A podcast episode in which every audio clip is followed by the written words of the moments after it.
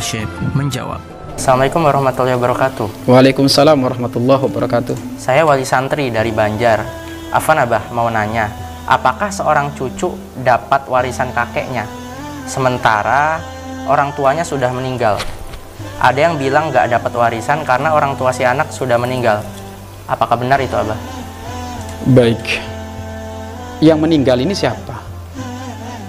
Yang meninggal itu Cucu dapat warisan enggak kan gitu. Iya. Berarti siapa yang meninggal yang meninggal itu Jadi gini loh. Ya. Warisan itu kan harta peninggalan dari si mayit.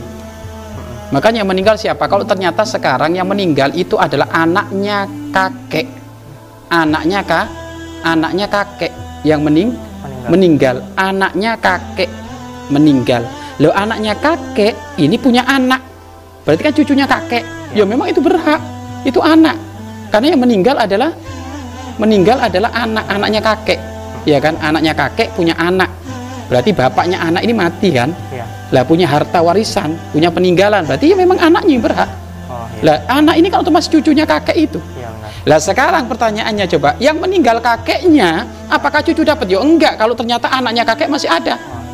Tapi kalau anaknya kakek nggak ada, berarti ibin-ibin boleh cucunya ini. Boleh cucunya. Ya ini seperti itu. Makanya cucu itu berhak menerima zakat, eh, berhak mendapatkan waris itu yang meninggal siapa? Ya kan? Kalau yang meninggal kakek, yang meninggal kakek, lah tengok anaknya kakek ada enggak? Kalau anaknya kakek ada, berarti cucu nggak dapat. Iya kan? Tapi kalau ka- ternyata apa? Ternyata anaknya kakek nggak ada, berarti ibin-ibin dapat. Nah ini, nah ini ini dapat seperti itu ilmu. Ini berkenaan dengan urusan warisan. Namun secara umum berkenaan dengan urusan warisan itu perlu difahami warisan itu adalah harta peninggalan orang yang mati. Tidak boleh dibagi itu harta kecuali terpenuhi lima syarat.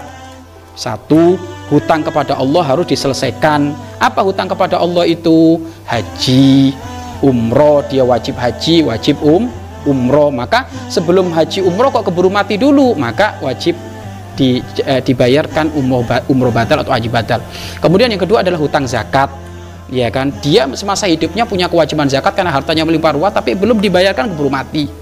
Maka ini harus diselesaikan. Kemudian yang ketiga adalah hutang wasiat.